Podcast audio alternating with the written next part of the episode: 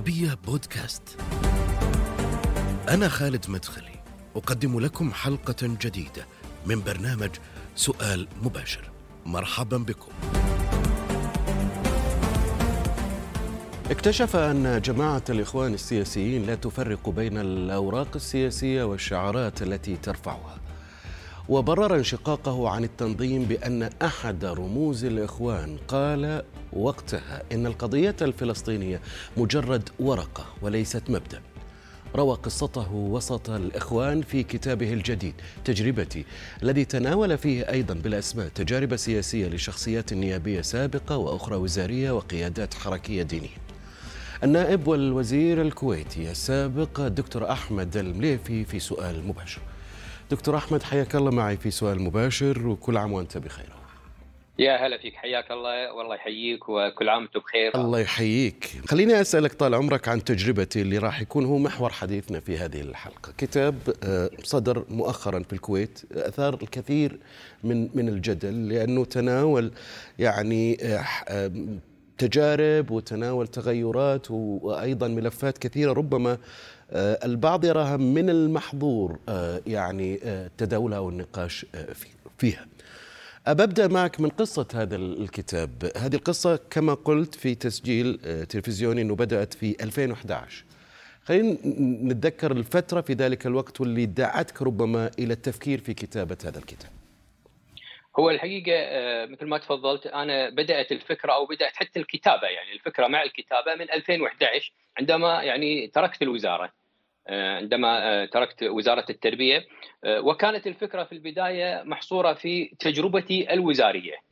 كان بتكلم عن التجربة الوزارية رغم إنها كانت قصيرة إلا إنها كانت حافلة بكثير من القضايا واطلعت على كثير من الأمور فبالتالي حبيت أن أضع هذه التجربة بكل وضوح وشفافية أمام القارئ الكويتي والخليجي حتى يستفيد خاصة نحن يعني كمجتمع واحد والعربي عموما حتى يعرف ما من وجهة نظري أنا.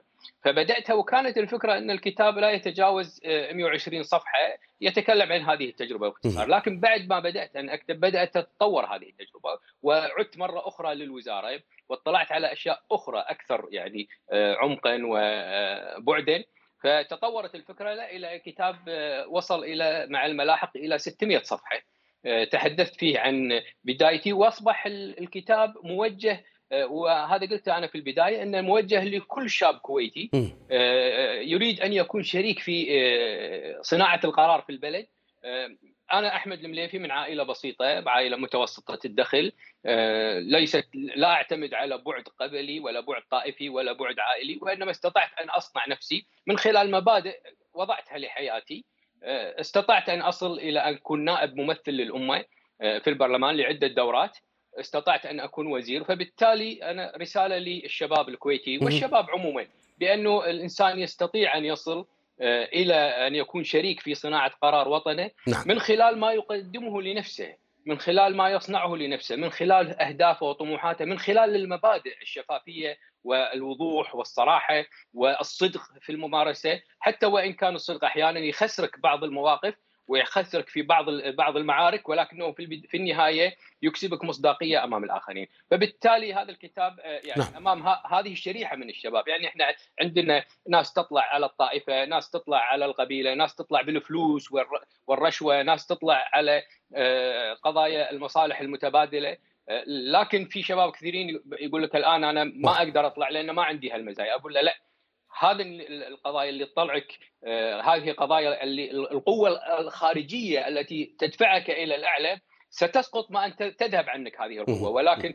قوتك الداخلية عندما آه، تثبت نفسك وتصل إلى المكان الذي تريده فإنه فإنه مهما حدث فإنك لن تسقط وإذا سقطت ستعود مرة أخرى لأن أنت في ذاتك قادر على أن تعمل هذا، تعمل ما تريد أن تعمله من أهداف تحقق مصلحة وطنك. فبالتالي هذا الكتاب هو رسالة وهذه حطيتها أنا في مقدمة الكتاب بان هذا الكتاب هو آه، هدية ورسالة من تجربتي المتواضعة إلى آه، الشباب والشابات الكويتيين والخليجيين وكل شاب يريد أن يصل يجب أن يكون عنده مبادئ أساسية وواضحة آه، حتى يستطيع أن يثبت نفسه ويثبت مصداقيته وجدارته في أن يتولى أي منصب سواء كان منصب من برلماني أو منصب تنفيذي. من أهم تجارب تجاربك اللي اللي أيضا تحدثت عنها في هذا الكتاب قصتك مع الإخوان المسلمين دكتور أحمد المليفي. أنت كتبت عن هذه القصة تحت خمسة عناوين بدأت بأسباب خروجي من الإخوان كجماعة وانتهت بعنوان الإخوان الولاء للحركة لا للوطن. أنا ودي أسمع منك أول شيء هذه القصة كيف بدأت؟ متى انضممت للجماعة؟ كيف ما الذي وجدته أو شدك لهم في تلك الفترة؟ وش الأسباب اللي دفعتك اللي دفعتك لذلك؟ أه، طبعا باختصار يعني إن شاء الله اختصار غير مخل بأنه يعني إحنا دخلنا مع جماعة الإخوان المسلمين وذاك الوقت لم نكن نعرف أن هناك شيء اسمه جماعة الإخوان المسلمين أو جمعية اصلاح في في مناطقنا مناطقنا الصغيرة. أه، فدخلت في الجماعة لما كنا صغار يعني في سنة 75 75 أنا كنت طالب في المرحلة الثالثة ثانوي. فبدأنا يعني ندخل إلى المسجد آه، وطبعا الجماعة عندها القدرة والمعرفه بكيف تستقطب الشباب خاصة شباب مثلنا من منطقة متوسطة الدخل آه، ناس رياضيين ناس نحب البحر نحب البر نحب كذا. فدخلوا علينا من هذا الجانب مع آه، وجودنا في المساجد والصلاة والدروس. إلى أن بعد ذلك تطور الوضع إلى أن عرفنا أن هناك لا في آه، قضية آه، جمعية إصلاح. بعدها تطور الوضع لا في هناك قضية الإخوان المسلمين وأن هناك كتب حسن البنا يجب أن نقرأها الرسائل وكذلك كتب الإخوان الآخرين حتى تتكون الأيديولوجية والفكر. الحقيقة أنا من الناس وأنا اللي اشوفه الآن حتى من كثير من الشباب اللي عند الإخوان مع الإخوان شباب جيد ونظيف ومواطنين يعني حقيقة قادرين أن يؤدوا إلى دور مهم في بلدهم لكن هناك على مراحل طويلة يكون هناك قسيل فكري لهؤلاء الشباب بحيث يجعلهم ينفصلون عن مجتمعهم. ابي ابي أبي أسمع تجربتك أنت ضمن هذا الإطار. هل تعرضت لحالة من الغسيل الفكري اللي جعلتك تنفصل عن واقعك وعن الحالة اللي كنت تعيشها يعني؟ هو شوف يعني قضية المناهج المناهج الفكرية للإخوان لا تتحدث ابدا عن وطن. تتحدث دائما عن عالمية. تتحدث دائما عن يعني نحن نسير على تراب الوطن. ولكننا في قلوبنا وطن آخر في السراب لا نعرفه حتى الآن. فبالتالي دائما العالمية ولا يوجد شيء اسمه روح وطنية. فبالتالي الإنسان يعني عندما لا لا يفرغ من الروح الوطنية يبدأ تدخل له روح عالمية.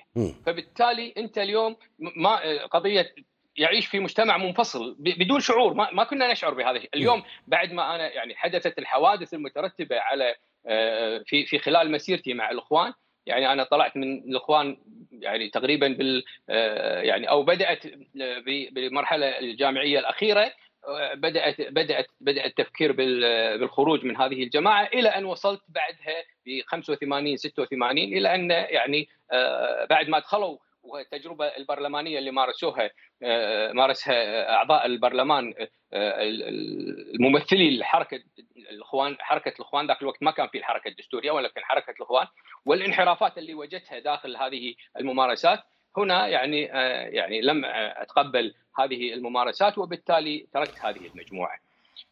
بالتالي يعني يمكن طلعت أنا من انت أنت وش وش المراحل اللي مريت فيها أثناء انضمامك للجماعة؟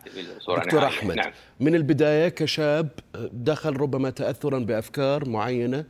بعد كده والمراحل اللي اللي اللي تحركت من خلالها داخل الجماعة وصولا إلى أن أصبحت كما أعرف عضو في اللجنة السياسية لجماعة الإخوان المسلمين في الكويت. نعم أنا يعني يمكن كنت في الجماعة آه، آه، من النوع اللي ااحب أقرأ. كنت أقرأ كل شيء يقدم لي وأقرأ أكثر مما يقدم لي فتميزت في هذا الجانب الثقافي. الجانب الآخر يمكن أنا كنت رياضي وعندي إمكانيات رياضية وقدرات خطابية من من أيام الثانوية. فبالتالي كان دخلت إلى العمل آه، الطلابي قبل أن حتى أن أدخل إلى الجامعة وأنا ذكرت بالتفاصيل كيف تم في الكتاب. وبالتالي دخلت في العمل النقابي آه، الجامعي. وهذا اللي بدأ يطورني آه، في مراحل الدخول آه، في الحركة آه، والاطلاع كذلك على كيفية العمل يعني. حتى انه يعني يمكن في الجامعة بعد ما يعني طبعا ميزة جماعة الإخوان المسلمين أو أو السيء في جماعة الإخوان المسلمين أنهم يريدون الشخص دائما يقول نعم. أنا ما كان من النوع اللي أقول نعم دائما أنا أعترض على القرار وأطلب مبررات. لذلك بدأ من اتحاد الطلبة لما كنت أنا عضو في اتحاد الطلبة وكنت كذلك عضو في جمعية القانون كنت نائب الرئيس فيها وكنت دائما أحصل على أرقام عالية في الانتخابات الطلابية. بدأت لا أقبل أي قرار يأتيني. بدأ نوع من أحمد خلاص مشاغب نخلي أحمد بعيد عن غرفه العمليات دائما هناك غرفة وأنا دا أقولها دائما حق الشباب هناك غرفة عمليات أخرى داخل الإخوان. ترتب الموضوع وتأتي بعد ذلك في الاجتماعات العامة لتناقشه وتحاول أن تمشي على الشباب. وش كان دورك باختصار دكتور أحمد في الجماعة؟ نعم. دورك باختصار وش كان؟ إحنا إحنا طبعا أنا لما كنت في, في اتحاد الطلبة كنت من كنا لما كنا في الجامعة كنت في الجهاز اللي هو يسمونها جناح الطلبة اللي هو النقابيين إيه؟ بعد ذلك لما تخرجت من الجامعة مسكت بعض الحملات الانتخابية للإخوان وأصبحت في اللجنه السياسيه اللي مؤلفة من أعضاء مجلس الأمة كان وأنا ذكرتهم بالاسم في الكتاب معاهم حتى كان الدكتور عبد الله النفيسي كان ضمن اللجنة هذه لأنه كان تم دعمه وأنا كنت معترض على دعمه في عبد الله النفيسي كان عضو في اللجنة السياسية ولا في اللجنة السياسية للجماعة؟ في اللجنة السياسية اي نعم للعمل الجماعي في داخل المجلس في دا في في, في الكويت طبعا. طيب بنتناول موضوع عبد الله النفيسي بس أنا بفهم أنت في تلك الفترة هل كان دورك تقديم أفكار آراء ولا كمان في دور تجنيدي ربما أيضا لكم في في في لا أنا لم إحنا لأن إحنا دخلنا على طول في العمل النقابي والسياسي فابتعدنا عن التجنيد. ما ما هو دورنا التجنيد الثقافي بالمساجد وهذا ما عاد دورنا يعني. إحنا دورنا كان نقابي وسياسي. ففي اللجنة هذه مناقشة الأفكار، مناقشة القرارات، مناقشة التوجهات، تقديم الاقتراحات حق أعضاء البرلمان ومناقشة اتخاذ الأصوات، كيف نصوت على بعض القضايا، لكن مثل ما قلت لك يعني دائما اللجنة تعمل بصوب وهناك غرفة عمليات أخرى يعني إحنا نقرر شيء وهناك من يقرر آخر. وبالتالي يعني يعني وش وش أهم أو أخطر الأفكار اللي ناقشتوها في تلك الفترة يعني. دكتور أحمد إذا تتذكر سريعا قبل الفاصل إيش عفوا؟ أهم الأفكار أو أخطرها اللي ناقشتوها في تلك الفترة يعني. لا هي كانت الأفكار اللي القرارات اللي تطرح داخل البرلمان. يعني قرارات داخل البرلمان يعني يمكن ما أتذكر بالأشياء مو قضية أهمية الأشياء كثر ما هي إن أنت تتخذ موقف مثلا موقف سياسي داخل البرلمان تتخذه وتوافق عليه ثم بعد ذلك يأتي قرار آخر يقول لك لا لا, لا نتخذ هذا الموقف نتخذ موقف آخر لأنه هناك في صفقة تمت مع طرف معين آه. من قيادات أخرى بالتالي يبون يفرضونها عليك. فهي هذه مشكلة الصفقات. يعني ويمكن يعني الحقيقة اللي اللي أنا الرسالة التي أريد أن أوجهها ووجهتها في الكتاب إلى شباب الإخوان المسلمين الكويتيين والخليجيين. يعني للأسف حتى الآن لم يتعلموا الدرس من غزو الكويت وموقف الإخوان المسلمين العالمي التنظيم العالمي طيب. من هذا الغزو كنت تتحدث عن خطورة هذا الموقف برسالة كنت تريد أن توجهها للشباب. ما هي؟ نعم يعني أنا أوجهها لكل الإخوان سواء بداخل الكويت خاصة داخل الكويت والخليجيين. التنظيم العالمي ينظر إلى الأخوة الخليجيين بأنهم عبارة عن حصالة. يأخذ منها الفلوس متى ما أراد. ولا مانع لديه من أن تكسر هذه الحصالة وترمى ويؤخذ كل ما فيها. لذلك التنظيم العالمي وقف مع النظام العراقي رغم أن النظام العراقي كان يعني عندما جاء النظام البعثي صفت كل الإخوان المسلمين اللي كانوا في العراق وهربوا وجاءوا إلى الخليج. وعاشوا في الخليج الكويت والسعودية والبحرين والإمارات وقطر وعاشوا في الخليج ويعني اطمأنوا في الخليج ووجدوا الرعاية في الخليج. رغم ذلك عندما يعني قازلهم صدام في قضية الدعم المادي وقضية المعونات تركوا الكويت. تركوا الكويت. فبالتالي يعني يجب أن نعلم ما عليه ما عندي مشكلة أنا أني أكون لأي شخص سواء من الإخوان أو غيره أن يكون له رأي وفكر ويكون له تنظيم. لكن يجب أن يكون التنظيم وطني. تابع لوطنك. أن تحاول أن تبني وطنك وان تكون خطوط حمراء. أهم خط هو الشخص ممكن يكون إخواني وممكن يكون تابع لوطنه؟ نعم. هو الشخص ممكن يكون ضمن هذه الجماعة أو عضو فيها وممكن يكون تابع لوطنه؟ عندما يترك التنظيم الدولي. آه. عندما يترك التنظيم الدولي ويكون تنظيم وطني. م. تنظيم وطني سواء كان فكر ديني أو غيره. أي تنظيم يجب أن يكون تنظيم وطني. تكون خطوط حمراء لوطنه. أهمها خط اللي في الكويت تنظيم وطني؟ نعم. التنظيم التابع لجماعة الإخوان اللي في الكويت أو الجماعة جماعة الإخوان المسلمين. أنت كيف تصفها؟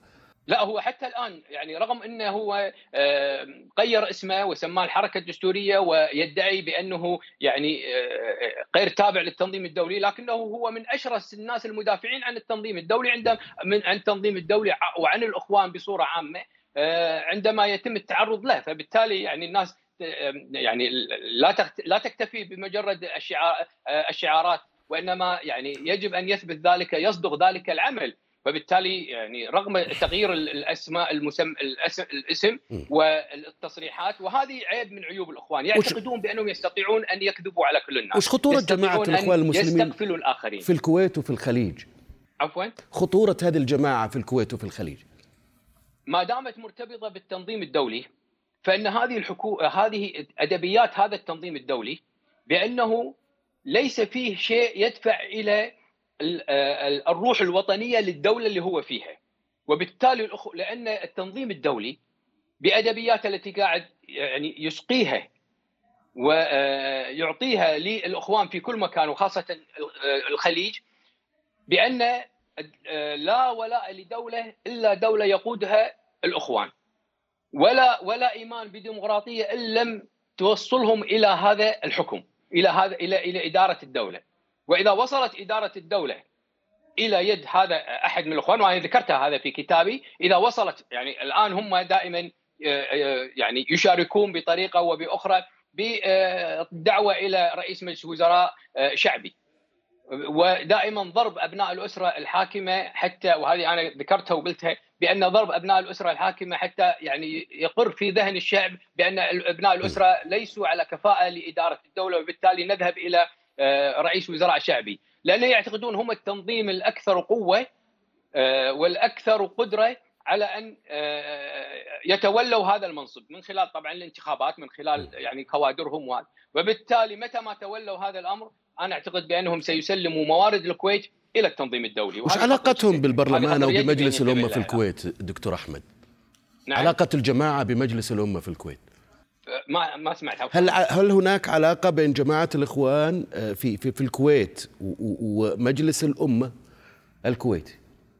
هو طبعا لما يكون في آه، الحركة الدستورية ممثلينها داخل وأنا عندي قناعة وقناعة راسخة بأن الحركة الدستورية لا زالت مرتبطة تنظيميا بشكل أو بآخر مع آه، التنظيم الدولي فبالتالي ممثلي الحركة الدستورية هم ممثلي يعني مرتبطين بالإخوان يعني.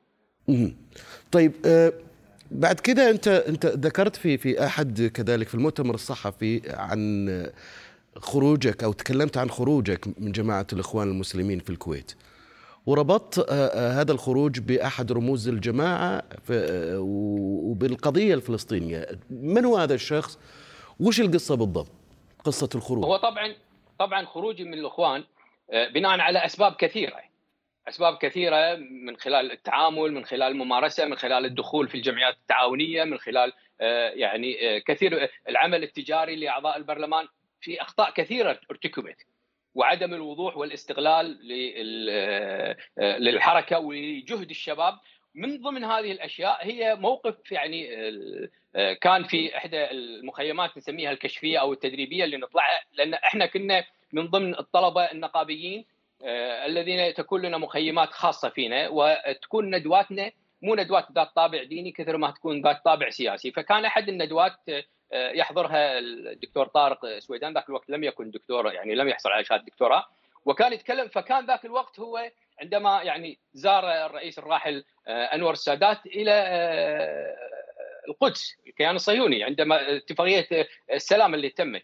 كان بعدها بفترة بسيطة كان هذا المؤتمر أو كان هذا المخيم فمن ضمن الحديث اللي تكلم فيه قال بأنه يعني الاتفاقية واتفاقية الهدنة مع إسرائيل هذه ستذهب من إيدنا ورقة بأن نكشف أن هذه الأنظمة فاسدة أو هذه الأنظمة خائنة. فهنا توقفت أنا رجل برلماني و... أنا رجل نقابي وسياسي وتفكير وأقرأ وتفكيري يعني يفسر آه، ليس فقط الكلام وإنما ما تحت الكلام. وهنا توقفت. أنا فقلت يعني هذا يعتقد إن يعتبر القضية الفلسطينية ورقة يريد أن يكشف فيها فساد الأنظمة. وليست آه، مبدأ نريد سواء كان اتفاق أو ما اتفاق بالعكس أي نظام يكون صالح ويستطيع أن يعيد الأرض لأصحابها ولنا كمسلمين يجب أن نقف معه بالتالي هذه كانت واحدة من الهزات الفكرية التي بدأت أشعر فيها وما جاء بعدها من هزات أخرى هي التي يعني جعلت القرار يعني يتخذ في وقته. لأن ترى الخروج من الجماعة خاصة بالنسبة لي أنا أنا كنت شاب صغير يعني بالثالثه متوسط يعني كان عمري 17 سنة 16 سنة لما دخلت في الجماعة.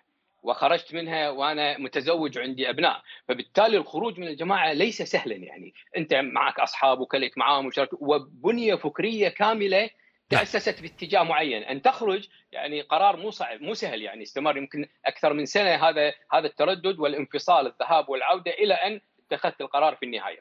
لذلك يعني وأنا ذكرتها في الكتاب وهذا يؤكد وما يؤكد أن القضية الفلسطينية ورقه لأن أنت شوفهم هم الأخوان الآن الآن شوف طيب. يعني الآن عندما يعني هم يعني نقارن تركيا مثلا. تركيا ذات علاقات الآن مع مع آه، إسرائيل وتبادل آه، دبلوماسي لا يتحدثون ابدا عن تركيا في حين إنهم أحيانا يختلقون الحوادث للدول التي لا لا لا تؤيدهم كالسعودية كالإمارات كالبحرين فيختلقون يختلقون حتى بعض المناسبات أو حتى لو تحدث بعض الأمور يجعلون منها طيب. قضية كبيرة جدا وهم طبعا إنشاط في ال social media في الإعلام في غيرها هذه هم إنشاط جدا يعني هم ناس منظمين يعني فبالتالي لاحظ يعني لأن هناك تركيا لا يريدون أن يحركوا هذه الورقة لكن ضد واضح. الدول الأخرى خاصة الخليجية تكلمت... يريدون أن يحركون أنت تكلمت عن عبد الله النفيسي وقلت إنه هو عضو في آه، اللجنة السياسية وفي الجماعة في جماعة الإخوان المسلمين في الكويت هو ينكر هذا الأمر وقال في تغريدة ردا على سؤال أحدهم أنا لست عضوا في الجماعة لكني أحبهم وأؤيدهم وأظن أنهم ظلموا هل كان عضوا في الجماعة؟ أنا كان يعني طبعا آه، مثل ما قلت لك أنا في اللجنة السياسية ومن الناس اللي يؤخذ رأيي في دعم الانتخابات آه، لما لما قرروا الجماعة بأن يدعموا آه، دكتور عبد الله النفيسي في انتخابات 85 في الدائره الدائره الثامنه أنا من الناس اللي لم أوافق على دعمه لأن كنت أقول بأن هذا الرجل يعني أول شيء ذهب إلى الشيوعيين وخرج منهم و اخرج كل ما أعطوه من أسرار بالغرف المغلقة وبدأ يتكلم عنهم، ذهب مع جماعة جهيمان وبدأ يتكلم عنهم، فقلت لهم هذا الرجل هذا الرجل يعني في صفة التقلب بالرأي والانتهازية انتهازيه شخصية سياسية المهم انتهازيه ولا يصلح أن يمثل الجماعة في هذا المكان لأنه بالنهاية س يعني آه، يضر الجماعة أكثر من آه، يعني يعين الجماعة. لكن للأسف مثل ما قلت لك الغرف الثانية المغلقه رأيت بأنها تدعمه ومثل ما قلت أنا يعني لعل الطيور على أشكالها تقع يعني. وبالتالي كنت أنا غير داعم له. وبعد بعد ذلك هو طبعا هو صحيح كلامه هو لم يكن عضوا في لكن لما دخل في الانتخابات كان أعضاء مجلس الأمة آه، اللي موجودين في ذلك الوقت أعضاء في اللجنة السياسية لأن بالأخير إحنا قاعد نناقش أدائهم داخل البرلمان فيجب أن يكون معنا. ما كان يلتزم بالآراء، ما كان يلتزم بالقرارات، بالعكس كان يعني دائما يعني يريد أن يثبت نفسه بأنه هو الأفضل من الجميع باللجنة وأنه هو يعني اللي يستطيع أن آه، يقدم الرأي ولا رأي غير رأيه، لذلك أنا كنت وهذا ما حدث بعد ما ترك الانتخابات هو كان يعتقد إن الانتخابات إنه يحضر كيف تقيم سريعا اليوم؟ كلمه ويذهب إلى البيت. كيف تقيم اليوم؟ عفوا بعد ما فضل. ترك حدث ما ما كنت اخشاه ما كنت أحذر منه. آه، أخرج كل المعلومات اللي تمت في الغرف المغلقة. أخرجها وأخرج بعض الاسماء السريه واخرج يعني بدا يعني آه، يعني آه، لم يكن امينا على ما ما حدث يعني. كيف تقيم اليوم خطورة الإخوان المسلمين في الكويت؟ هل تعرف اليوم في كلام على أنه هذا الخطر زال؟ بعد كثير من التحركات ربما على مستوى آه، آه، البلدان المنطقة ويمكن حالة وعي أيضا آه، عند الشعوب في المنطقة العربية والخليجية. اليوم أنت هل ترى بأنه ما زال هناك خطر لهذه الجماعات جماعة الإسلام السياسي وخصوصا الإخوان المسلمين؟ وإلى ما دام هذه ما دام هذه الجماعات مرتبطة بالتنظيم الدولي فهي في مرحلة من المراحل ستمثل خطر، قد لا تمثل الآن، قد هي تنخفض للريح. فصول كثيرة في الكتاب وقصص وتجارب تستحق بصراحة أنه يعني نخصص لها مساحة أكبر لكن عذرنا وقت البرنامج انتهى فعليا. أشكر آه، جزيلا وجودك معنا في هذه الحلقة النائب والوزير الكويتي السابق دكتور أحمد المنيفي. شكرا لك دكتور. حياك الله أهلا وسهلا نهاية هذه الحلقة من سؤال مباشر دائما يمكنكم متابعتنا على فيسبوك يوتيوب وأيضا مشاهدة هذه الحلقة والاستماع إليها عبر شاهد. إلى اللقاء.